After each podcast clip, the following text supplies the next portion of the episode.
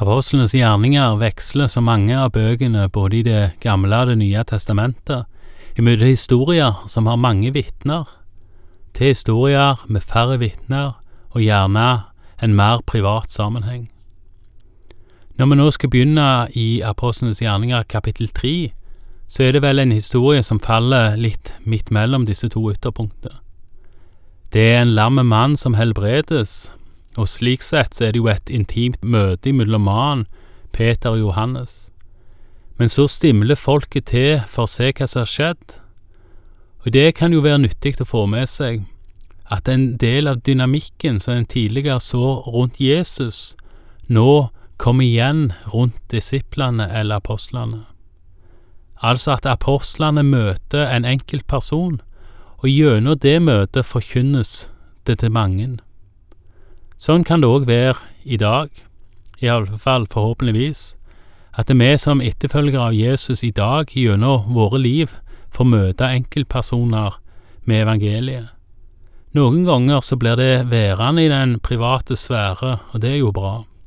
Men noen andre ganger kan òg møtet med enkeltpersoner gjøre at flere kommer til et positivt møte med troen på Jesus, og det er jo òg bra. Vi leser fra Apostlenes gjerninger kapittel 3 vers 1.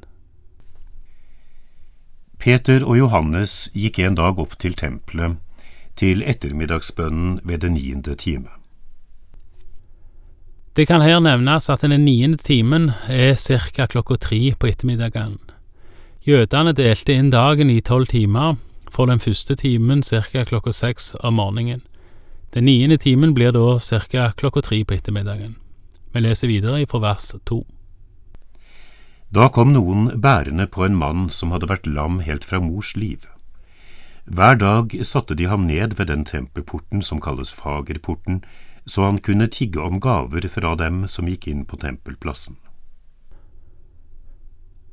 Denne tempelporten, som da kalles Fagerporten, er, så langt jeg kan forstå, en av hovedinnggangene til, til tempelet.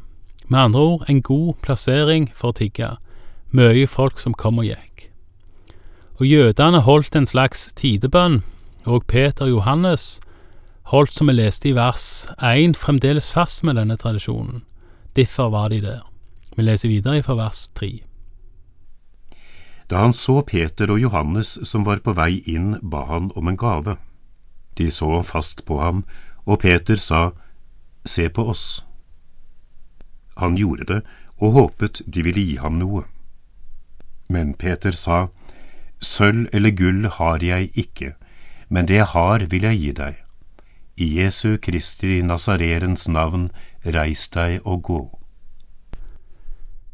De som har lest litt i en barnebibel, enten for seg sjøl eller andre, eller som har vært på søndagsskolen, enten som deltaker eller som leder, har nok vært borti denne historien.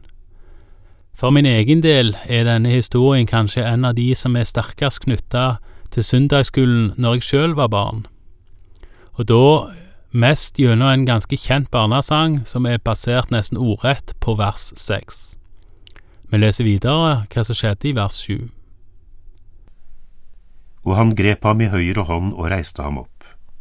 Straks fikk han styrke i føttene og anklene. Han sprang opp, sto på føttene og begynte å gå omkring. Han fulgte dem inn på tempelplassen, hvor han snart gikk, snart sprang, mens han sang og priste Gud. Og alle så hvordan han gikk omkring og lovpriste Gud. De kjente ham igjen og visste at det var han som pleide å sitte ved fagerporten og tigge om gaver, og de ble slått av undring og forferdelse over det som hadde hendt ham. Det er vel sånn at dersom en har en grunnleggende skepsis til at det som står i Bibelen er sant, eller sagt på en annen måte, dersom en tenker at det som står i Bibelen bare er gode historier, sagn eller nesten eventyr, så vil en trolig velge å ikke tro på den historien, og det er etter mitt skjønn en ærlig sak. Men er en skeptisk til sannhetsgehalten i Bibelen, så kan en jo legge merke til vers 9 og 10 her, at det var flere som kjente han igjen, denne lamme mannen, og det var flere som ble slått av undring. så kan en jo selvfølgelig bare si at det er oppspinn, det òg, og komme med de vanlige uttalelsene om at Bibelen ble skrevet ned mange hundre år etterpå, osv. Men tenk, tenk om det faktisk ikke var sånn. Tenk om det var faktisk sånn at Lukas skrev ned apostlenes gjerninger mindre enn 30 år etter at dette underet skjedde. Burde ikke vi òg da ha noen kilder som beskrev Lukas sin beretning her, hvis det bare skulle være tull? Det kan en i det minste reflektere litt over sjøl. Vi leser videre fra vers 11. Mannen holdt seg nær til Peter og Johannes, og fulle av undring stimlet hele folket sammen rundt dem i Salomos søylehall. Da Peter så det, begynte han å tale til folket. Israelitter, hvorfor er dere forundret over dette? Hvorfor stirrer dere på oss som om det var vår egen kraft eller fromhet som gjorde at denne mannen kan gå? Mannen, altså den tidligere lamme mannen, holder seg nå til Peter Johannes. Det er vel egentlig ganske lett å forstå, siden de i det minste var et redskap for den helbredelsen som skjedde. Da er det vel heller ikke så underlig at folket stimler sammen for å se hva som hadde skjedd, og da benytter Peter muligheten til å forkynne. Og det han forkynner er det samme som han forkynte til den lame mannen. Han har ikke sølv eller gull, men han tilbyr helbredelse i Jesu navn. Vi leser videre fra vers 13. Nei, Abrahams og Isaks og Jakobs Gud, våre fedres Gud, har herliggjort sin tjener Jesus. Dere utleverte ham og fornektet ham for Pilatus, som hadde besluttet å gi ham fri. Dere fornektet den hellige og rettferdige og ba om å få løslatt en morder. Men livets opphavsmann drepte dere, han som Gud reiste opp fra de døde, det er vi vitner om. Ved troen på Jesu navn har dette skjedd, for det navnet har gitt styrke til denne mannen som dere både ser og kjenner. Den tro vi får gjennom dette navnet, har gitt mannen full følelighet igjen, slik dere alle kan se. Det er ganske krasse anklager Peter her retter mot folket.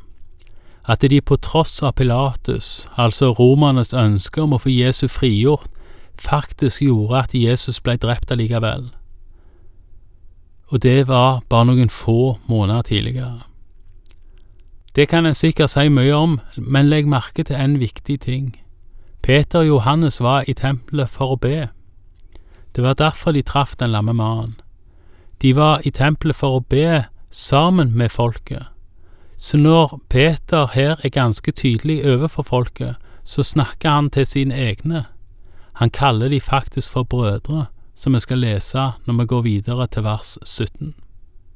Jeg vet nok, brødre, at dere handlet i uvitenhet, akkurat som rådsherrene deres. Men slik oppfylte Gud det han hadde latt alle profetene forkynne på forhånd, at hans Messias skulle lide. Angre derfor og vend om, så syndene deres blir strøket ut. Da skal det komme tider med lindring fra Herren, og han skal sende den Messias som er bestemt for dere, Jesus. Han må være i himmelen til tiden kommer, da alt det blir gjenopprettet som Gud har talt om fra eldgamle dager, ved sine hellige profeters munn. Moses har sagt, Herren Gud skal la det stå fram en profet som meg blant dere, en av deres egne brødre. Ham skal dere høre på i alt det han sier til dere. Hver og en som ikke hører på denne profeten, skal utryddes av folket. Ja, alle profetene som har talt, helt fra Samuel av, har forkynt det som skjer i disse dager. Dere er barn av profetene og har del i den pakten som Gud opprettet med fedrene deres da han sa til Abraham, I din ett skal alle slekter på jorden velsignes. Gud lot sin tjener stå fram for dere først, og sendte ham for å velsigne dere når hver og en vender om fra sin ondskap. Her trekker Peter opp Guds frelsesplan for folket som står og hører på. og at folket inngikk i Guds frelsesplan med at Messias måtte lide. Igjen kaller Peter til omvendelse, på samme måte som døperen Johannes gjorde.